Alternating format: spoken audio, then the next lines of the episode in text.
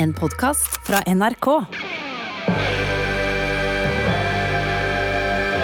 Velkommen til Gal og genial, en vitenskapsserie for det som elsker sære genier. Med meg, Torfinn Borchhus, og min venn Sven Biskår Sunde. Visste du at Albert Einstein konstant mista nøklene og glemte lommeboka si? Og at han var så smart at hjernen hans for på turné etter at han var død. Og at han ikke gadd å ta imot nobelprisen. Og at han fikk kona si til å skrive under på et dokument som sa at hun skulle avstå ifra all kontakt med han. Det er rått. Albert Einstein ble født i Ulm i Tyskland den 14. mars 1879. Og han hadde visst et stort hugge når han ble født, noe som gikk over etter hvert. Men du sa i stad at hjernen hans dro på turné. Ja. Kan, vi ta det først? Ja, ok, ok, jeg skal gjøre det. Patologen som obduserte Albert Einstein, han tok ei sjefsavgjørelse der og da på direkten om å ta vare på hjernen. Egentlig skulle hele Einstein kremeres, brennes i ovnen. Og I løpet av de neste 40 årene så hadde da han patologen her med seg hjernen til Einstein rundt i et par norgesglass. Norgesglass, ja. Og hvis noen tok kontakt med han og sa hei, har du noe hjerne jeg kan forske på, så sendte han deler av hjernen til Einstein rundt omkring. Yes. Men hvor var oss? Jo, han var født med stort hugge inn i en jødisk familie i 1879. Ja, Det er kjempelenge siden man driver på å finne opp telefon og kanskje det er bil og litt sånn. Det er leveres noe patent på noe bensinbil og sånn, men det er jo egentlig brevskriving og togreising som gjelder på et tidspunkt her. Ja, det er lenge siden. Ifølge Maja, søstera til Albert, så kunne unge Albert bygge korthus i 14 etasjer. Men livet starta helt elendig. Eh, Einstein snakka ikke før i toårsalderen. Det kalles Einstein-syndromet i dag. Og som vi skal få vite seinere, Torfinn, Ja. han gjorde det ikke så veldig bra på skolen, faktisk. Tenk det. Men nå quiz.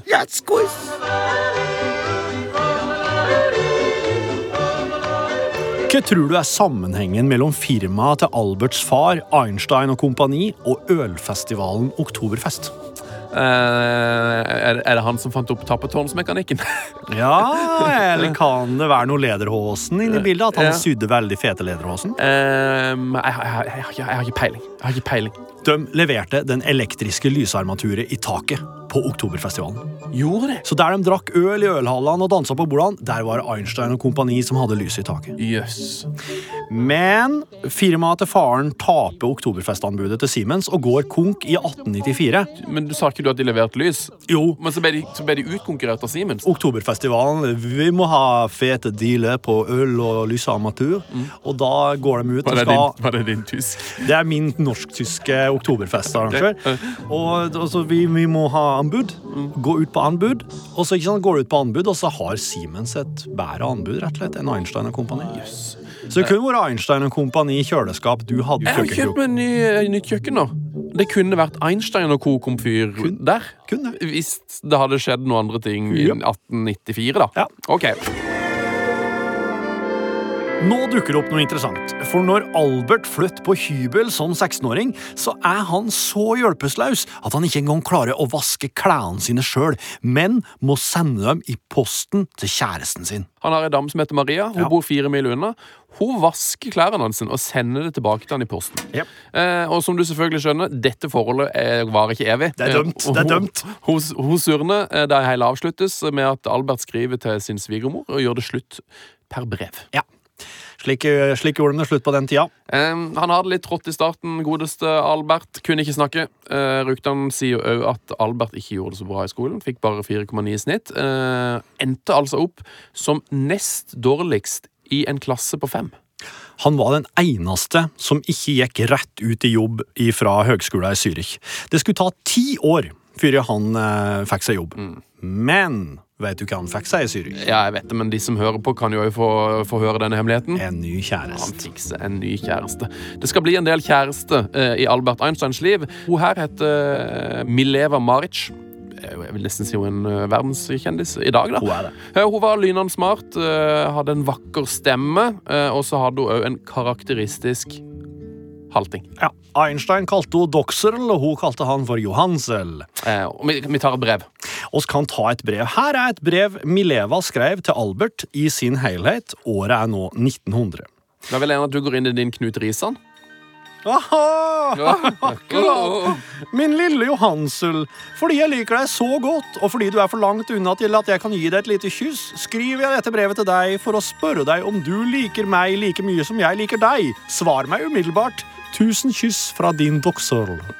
Det var ordrett et brev fra Mileva til Albert. Fantastisk. Eh, våren 1901 så er Albert og Mileva på en romantisk ferie eh, med Komosjøen i Italia. Blir ikke vakrere enn det. Å nei, det er romantisk. Og du vet hva som skjer ved Komosjøen? Yes. Um, og det skrives jo brev for alt som skjer i Alberts liv. Ja. Uh, og jeg tenkte jeg kunne lese litt uh, hva Albert skriver til Mileva. Det her er etter at de har vært på Komosjøen. Ja. Åh, hvor vakkert det var den siste gangen du lot meg presse din kjære lille person mot min. På den mest naturlige måte. Det er ikke verre å bli gravid, altså. Sånn ble, sånn ble de gravide. Eh, I 1902 så blir eh, lille Liesel født. Og det her er et mysterium. Eh, Liesel blir født hjemme hos foreldrene til Mileva i Serbia. Albert Einstein han er i Zürich, yep. og han sier ingenting om Liesel. Verken til familie eller venner. Et, et, veldig merkelig. Det er faktisk mye som tyder på at Albert aldri møtte datter si, Liesel. Og En teori er at de adopterer henne bort. En annen teori er at Liesel rett og slett dør av skarlagensfeber. Ja. Hun nevnes ikke noen plass, annet enn i noen få brev mellom Mileva og Einstein. Og de brevene her blir første gang oppdaget i 1986. Ja. Lenge etter at eh, alle inne i bildet er ute av bildet. Det er utrolig mystisk. Eh, Det fins liksom ikke et spor av dette mennesket. Eh, På Wikipedia så står det at Liesel døde i 1903, Ja. i sitt første leveår. Og det er mange forskere som har prøvd å finne henne, for det er jo liksom, mange tror jo kanskje at hun, at hun levde videre. Ja, ja. Men det, det, er, det er ingen, som vet. Nei. Meget mystisk. Ja, Det er trist og leit for Albert nå, men det skal gå mot lysere tider. Og så nå i juni 1902, og i hans 23. år får Albert jobb ved patentbyrået i Bern. Eh, Så for eksempel eh, Antonio Mucci som fant opp telefonen. Ja, Eh, han hadde jo faktisk ikke råd til å søke patent på den. Eh, Nei. det var jo derfor han aldri liksom fikk anerkjennelse for det. Derfor ble det Alexander Graham Bell. Ja, Men hvis Mucci hadde hatt eh, penger og hadde bodd i Sveits, Ja. eh, og dette hadde skjedd mens Albert Einstein jobba på det kontoret, Ja, ja. så måtte han søkt om patent. Og da ville Albert måtte lese den, og lese beskrivelsen, den tekniske beskrivelsen. Sånn og sånn og sånn fungerer den oppfinnelsen her. Og da måtte Albert ha tenkt ah, vil, det her, vil det her funke? Ja, det tror jeg faktisk. Bang! Stempla, godkjent. Jeg skjønner at jobben på patentkontoret føles som ei bigeskjeft, men den er kjempeviktig for Alberts kreative utvikling. Den kreativiteten som patentkontoret krevde, blir nemlig det som skiller Albert fra andre vitenskapsfolk. Hans ekstremt kreative måte å se verden rundt seg på er sentral for hans suksess. Og denne kreativiteten fikk han ikke på skolen, den fikk han på patentkontoret. Ja, og nå- går det veldig veldig bra. Ja. Eh, Den 6. januar 1903 så eh, samles en eh, liten gruppe mennesker seg i Bern folkeregisters lokaler for å overvære at Albert Einstein og Mileva gifter seg. Oi, oi, oi. Nå er det-. Nå er det medvind. Her kommer det en quiz. Hva er det Albert Einstein har glemt etter at han har gifta seg? Ehm, du sa jo noe om dette i begynnelsen. At Ja. han, han pleide å glemme lommeboka. Ja, Og en ting til. Nøklene. Nøklene! Han hadde glemt nøklene. Så når han da kommer hjem med Mileva, nygift, skal bære henne over dørkarmen, slik som han skal gjøre når han har gifta seg, så har han ikke nøkkelen til leiligheten. Han kommer seg ikke inn. Ja, typisk Albert Einstein. Nå er altså Albert og Mileva nygift, og de får unge nummer to. Yes. Ja. Ekteskapet er visst nå rosenrødt en liten stund, men så skyer det på. For Mileva liker ikke å drive bare med husarbeid, og hun skulle gjerne ha tatt opp igjen noen fag og få jobba litt med det, for hun er jo en veldig smarting, hun òg. Men Albert, han har det ålreit. Han har det helt konge. Ja. Han har det som plomma i eggesen i sida. Ja, ja, Um, og han sitter jo på patentkontoret og jobber, Ja. men og det her er det store clouet. Han jobber jo egentlig mest med sine egne teorier. Ja, faktisk. Og så har han jo òg oppdaga at han savner gammelkjæresten Marie, som han sendte klesvasken til. Så nå begynner han å skrive til ho for å skrive hvor mye han tenker på ho og livet med ho som glapp. Fordi dette her er viktig. Einstein er ikke bare et geni. han er òg veldig glad i damer. Han har, en han har en tendens til at når han endelig får livet på stell, når han gifta seg, og begynner å savne gamlekjæresten. Ja. Altså, så snart han kommer inn i en relasjon, så er det akkurat som at hvis den relasjonen formaliserer seg, ai, da blir det plutselig noe annet som blir mer interessant. ja, sant. Den britiske matematikeren og fysikeren lord Kelvin han blir i år 1900 sitert på det her. Det er ingenting nytt å oppdage i fysikk nå. Alt som gjenstår, er mer og mer nøyaktige målinger. Ja. Det var feil. Det er veldig feil. Det er veldig feil. For disse årene fra 1905 til 1915 så gjør Einstein utrolig mye direkte revolusjonerende arbeid. Nå kommer det til å komme ei liste her, folkens. Ok. Ja, nå går det fort. Han beviste helt klart at atomer eksisterer. Han forklarte hvordan metall gir fra seg elektroner når det påvirkes av lys, kalles for den fotoelektriske effekten. Han var en av pionerene under utviklinga av det vi kjenner som kvantefysikk. Han sa at vi må beskrive lys som både partikler og bølger. Han kom fram til den spesielle relativitetsteorien. Han oppdaga at tida går langsommere nedi et tyngdefelt. Han krona verket med den generelle relativitetsteorien, som på mange måter er fullføringa til det oss kaller klassisk fysikk. Og det handler veldig forenkla om hvordan naturen oppfører seg når ting går veldig fort, er veldig store eller er veldig tunge. Og om hvordan tid og rom er vevd i hop og gir opphav til det oss opplever som tyngdekrefter. Og så utleda han masseenergiloven E er lik MC i annen, altså at materie er en komprimert form for energi. Starten på atombomba, egentlig. Wow. Oi, oi, oi. Var det en imponerende liste, syns du? Det, det, altså, det her er helt rått. Eh, Men det, det går jo så fort at man klarer nesten ikke skjønne hvor svært det var. Nei. Men det er jo, hva skal man si Eh, Det er jo som å lande på månen og eh, starte McDonald's og finne opp iPhone og bygge Titanic i løpet av ti år. Ja, det- her, det, det, er- det, det er så rått.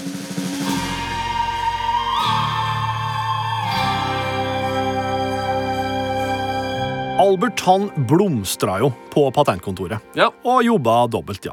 Her var han i sju år, fram til 1909, og her perfeksjonerte han sine åtte ganger åtte ganger åtte. Ja. Dette er Albert sin life hack, kan du si. Han jobba åtte timer. Han hadde åtte timer med ymse, som han kalte det, og så hadde han åtte timers søvn. Genialt. Slik delte han inn døgnet sitt. Eh, vi tar litt flere life hacks eh, som man kan lære fra Albert Einstein. Det er jo det såkalte fiolintrikset. Ja. Det er enkelt. Spill litt fiolin. Eh, Hvis Albert Einstein sleit med noen vanskelige teorier, så spilte han noen strofer på fiolinen sin, og så sa han sånn ah, nå har jeg det! De neste fem årene så flyttes det mye. Og i 1914 så får Albert professorjobb ved universitetet i Berlin, og dermed flytter familien dit. Albert sin motivasjon for å flytte til Berlin er nemlig ikke bare jobb. Nei, Nei, nå er det noe damer Ja, han, han er kåt igjen nå. Altså, fordi han fikk en bursdagshelsing i brev fra søskenbarnet sitt Elsa i Berlin, så har han nå begynt å flørte med henne i brevs form. Så nå var han gira på å komme seg til Berlin fordi Elsa er der. Så når de kommer til Berlin, så tror jeg nok at Mileva, altså hun Albert er gift med, har skjønt tegninga for hun flytter inn med en annen fyr. Ja, det er, det er veldig mye rare damegreier i Albert Einsteins liv. Yep. Eh, og dette her er jo blant de rarere, selvfølgelig. Ja. Men ei heller den rareste. Det er det ikke. Og hele det dramaet her nå, eh, det ender med at Albert sender ei detaljert ekteskapskontrakt til Mileva. Ja. Den her kontrakten her, hvis du skriver under på den og er enig i den, da skal vi få ekteskapet vårt til å fungere uansett. Det her er jo et av de rareste dokumentene i verdenshistorien. Ja. Eh, Vi må ha ørene på stilk. Den er spektakulær. Skal vi bare lese den i sin helhet? Ja. Sakte og øh, grundig. Kan du kjenne etter, du som hører på, om du hadde ville funnet i det her? Ja, her er betingelsene for å være gift med Albert Einstein. 1. Du vil sørge for at klærne og klesvasken min blir holdt i god stand. Allerede der hadde jo jeg begynt å, å være i tvil om dette ekteskapet. 2. Du vil sørge for at jeg vil motta mine tre måltider i mitt rom. Det skal være servert i rommet. Den, den er streng. Ja. 3. Du vil sørge for at soverommet mitt og studierommet mitt blir holdt ryddig, og at pulten min kun brukes av meg. Det her er en slags hotelldeal, altså. Ja. Du vil gi avkall Den er forferdelig streng. ja, det her er ikke bra. Du vil gi avkall på all personlig kontakt med meg så lenge det ikke er helt nødvendig av sosiale grunner. Du vil spesifikt gi avkall på én, at jeg skal sitte hjemme med deg. Den er jo så streng.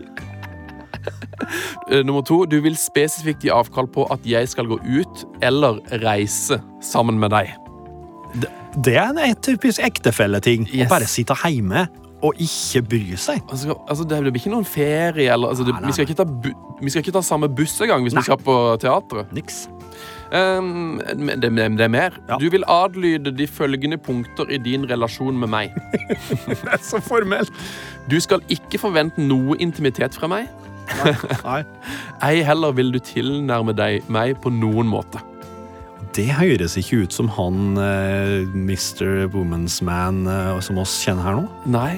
eh, Det høres ut som han er ferdig med mm, den fysiske delen av, av dette forholdet. Eh, du skal slutte å snakke til meg hvis jeg ber deg om det. Det er jo utrolig strengt. Du skal forlate soverommet eller studierommet mitt øyeblikkelig og uten protest hvis jeg ber deg om det. Eh, og den her jeg lurer jeg på hvorfor dette punktet i det hele tatt har kommet inn. Oh, det tror jeg skjønner jeg hvorfor. Ja. Du skal etterstrebe å ikke ydmyke meg foran barna våre, enten gjennom ord eller oppførsel. Og det sykeste er ikke kontrakten. Nei. Det sykeste vil jeg si er at Mileva, hans hustru, hun godtok faktisk Hun godtok denne kontrakten og skrev under. ja. Det går greit. Men hun innså jo at det her forholdet her, det var jo øyelagt. Yes. Han trodde jo han kunne ha et sånn forretningsaktig forhold til Mileva for å kunne være i lag med ungene sine, men det ender jo med at de tar ut separasjon, og Albert går med på å betale Mileva og guttene 5600 mark, altså litt under halve lønna si, i året. Eh, og så stikker han innom onkel og tante eh, og dropper nyheten om at eh, han og Elsa deres, deres datter, altså. Altså familiemedlemmer. Er nå et par? Ja. Og eh, han har jo skrevet om dette, selvfølgelig, et brev. De reagerer med en mild avsmak på, på det nye forholdet. og det blir mye for Albert Einstein nå. Eh, han og Mileva de krangler om penger og møbler og alt mulig drit. Og Elsa vil gifte seg med Albert Einstein, men han er ikke klar for å gifte seg på ny. Eh, så han holder henne på en måte litt sånn varm. Ja. Men så Ja, da kaster han seg rett inn i vitenskapen. ja, det er nå er vi tilbake til der åtte ganger åtte pluss åtte pluss åtte. Ja. Litt sånn ymse, Ja. men òg åtte timer jobb Ja. hver dag. I mellomtida så har Albert nå flytta inn i naboleiligheta til Elsa, slik at hun kan stelle og lage mat for han. Åh, det er jo en rød tråd for Albert eh, at han må jo ha hjelp til sånn uh, huslige ting. Ja da. Uh, og når han da har funnet Jeg tenker jo liksom man, På papiret tenker jeg, Nå har han jo møtt nye love of his life. Elsa. Flytt inn i naboleiligheten. Ja, topp det. Skal ikke bo sammen. Men det gjør jo òg at da er han nødt til å skrive til Mileva og be om skilsmisse for n-te gang. Men denne gangen her så har Albert et S i ermet. Ja, dette her er veldig gøy. Han har nemlig følelsen av at han kanskje kommer til å få Nobelprisen nå. Ja! Eh, For det er jo sånne ting som man plutselig gjør når man er på dette nivået. Ja. Eh, Og hvis eh, Mileva går med på skilsmisse, så sier Albert Einstein at da skal Da skal hun få alle pengene. Yes! Da skal hun få hele Nobelprisen. Ja, så Hun driver på å få halve lønnen hans nå. Men Ja. hvis han får denne Nobelprisen, som han kanskje mistenker, så skal hun få hele den summen som en sånn gigagave.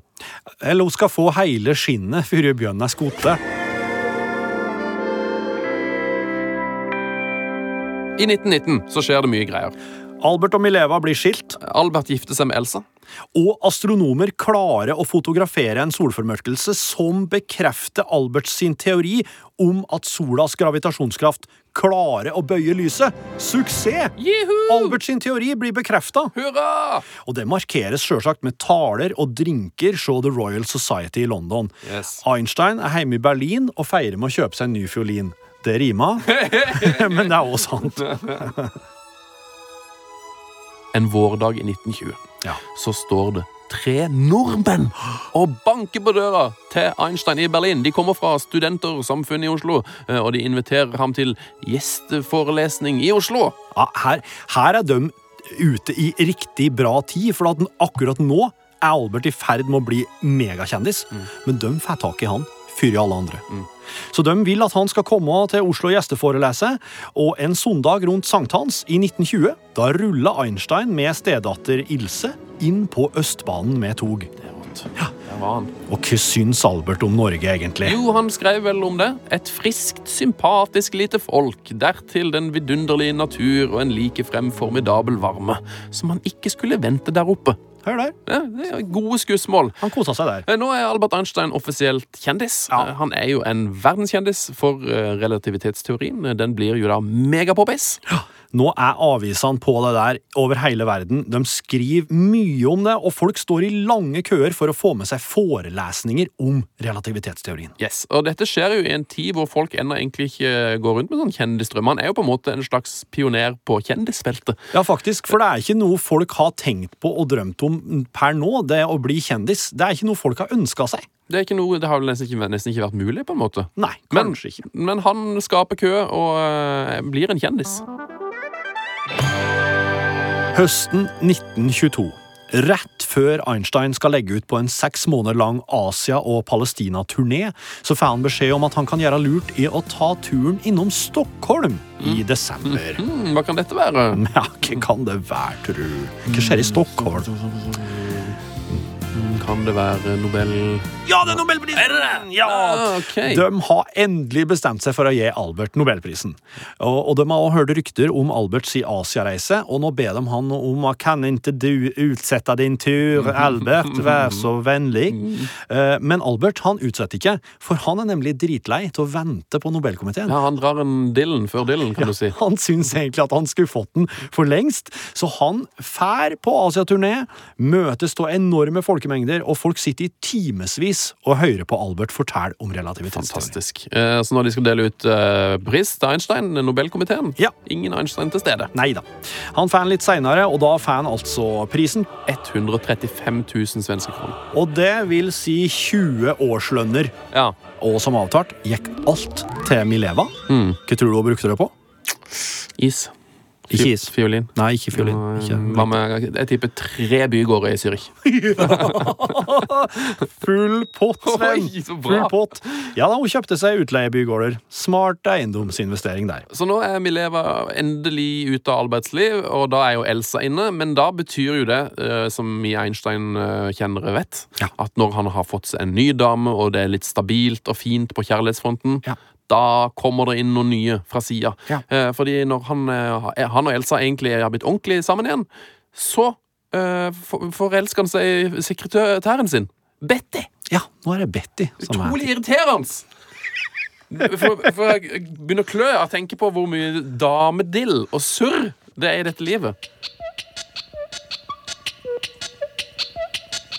De neste seks årene gir Albert viktige oppdagelser innenfor kvanteteori. Ja, hva er det for noe? Det er mikroskopversjonen av atomene. Da. Ok. Det, det er lite, ja. baka for der. Det er så lite. Det er så ørlite. Men det han nesten knekker ryggen sin på i siste halvdel av karrieren, det er å finne ei feltteori. Og feltteorien den skal kunne forene både gravitasjon, elektromagnetisme og kvantemekanikk i én felles teori.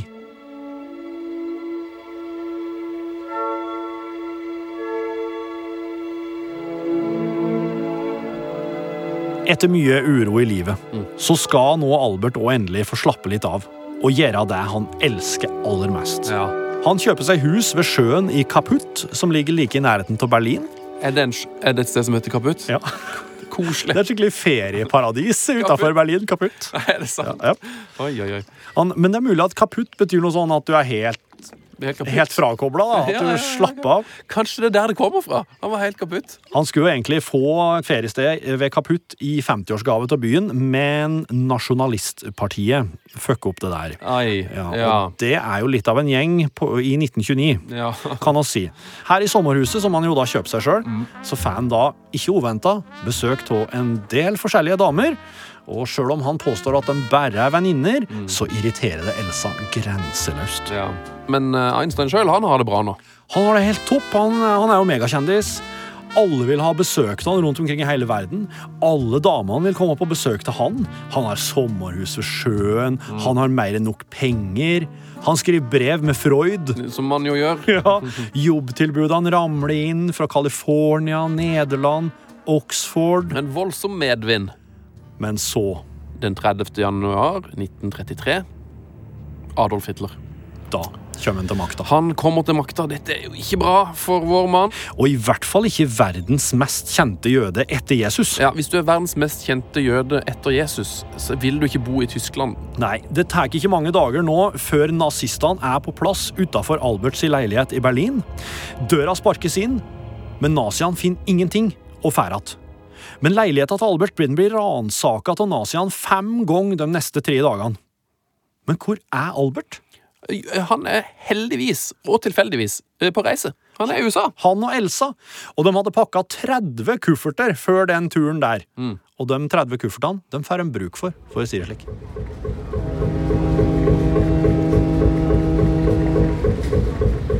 Nå er jo helvete løs i Tyskland.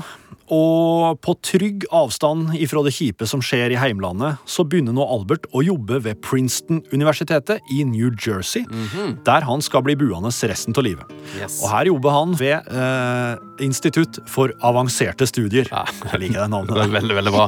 Ja, og Du hører jo på Gal og genial, eh, og det har jo handla egentlig mye nå om at han er veldig smart. Ehm, og genial og briljant. eh, Men alle har jo sett et bilde av Einstein eh, som rekker tunge til fotografen. Ja.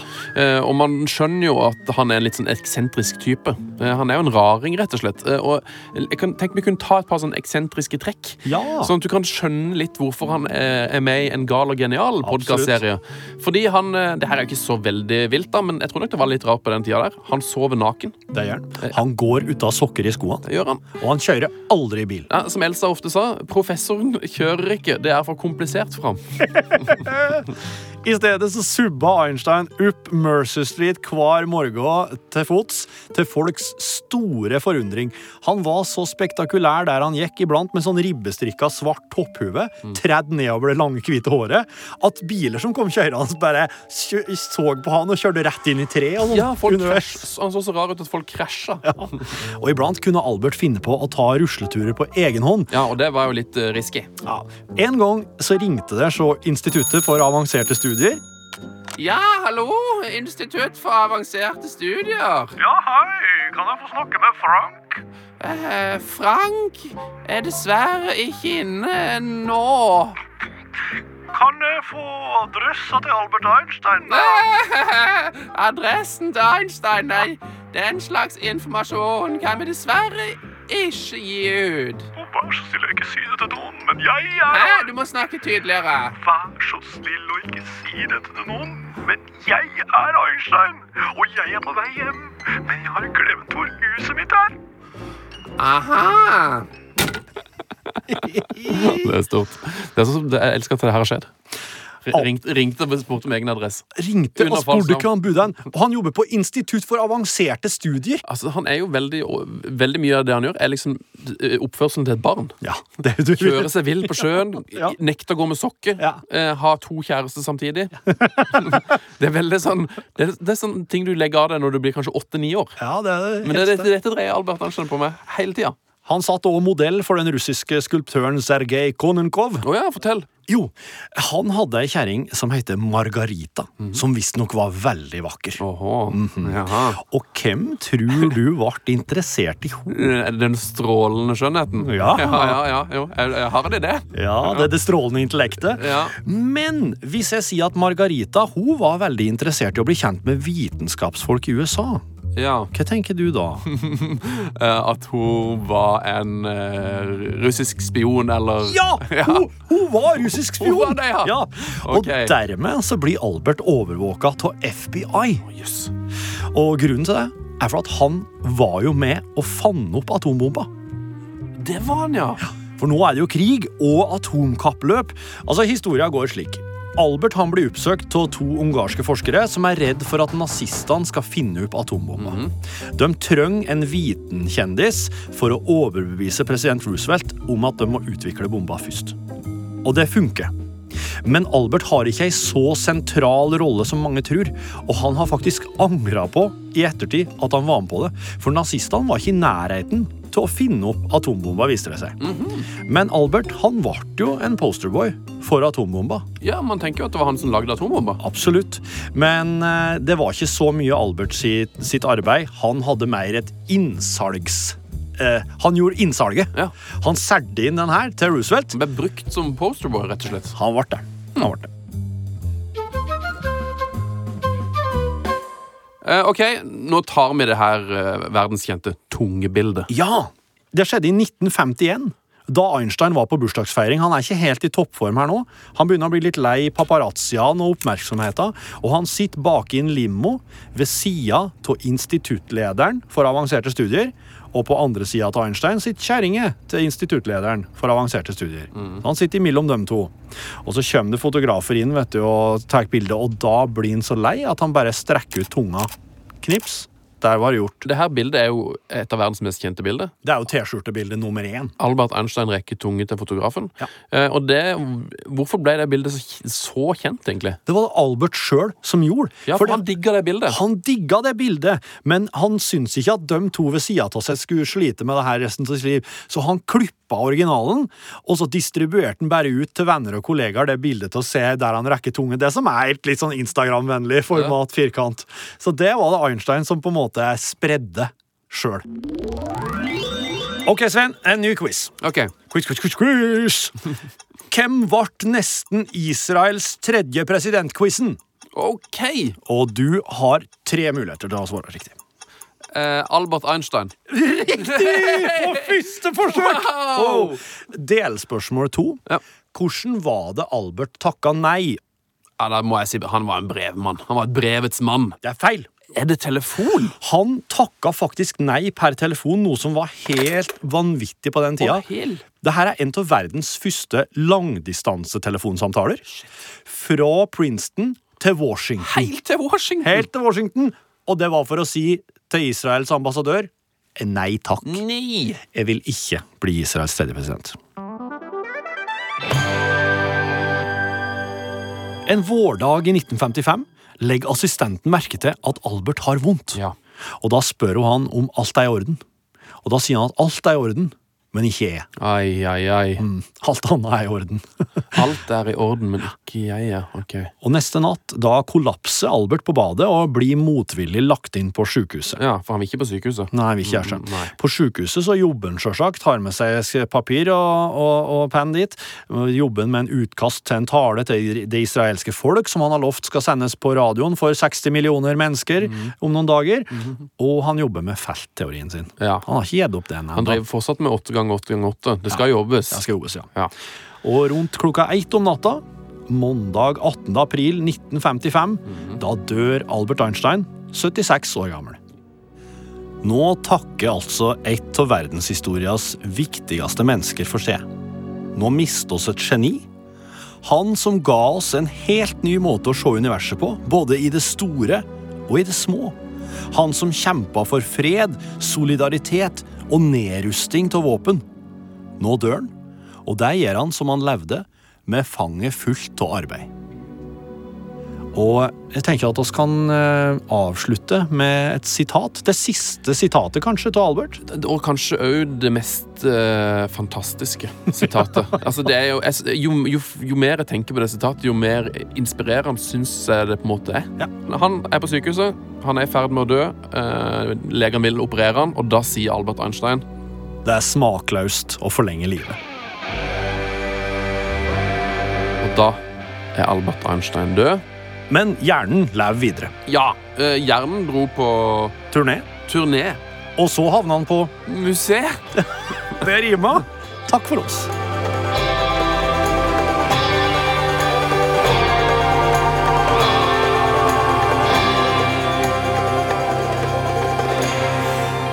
Denne podkasten er logget av Sven og Torfinn Erlend Lånke Solbu, kjenningsmelodi til Stian Karstensen, lyddesigner av Ingebjørg Hagerup og redaktør Eline Gevelte Andersen. Ny episode neste tirsdag. Vær velkommen. Du har hørt en podkast fra NRK.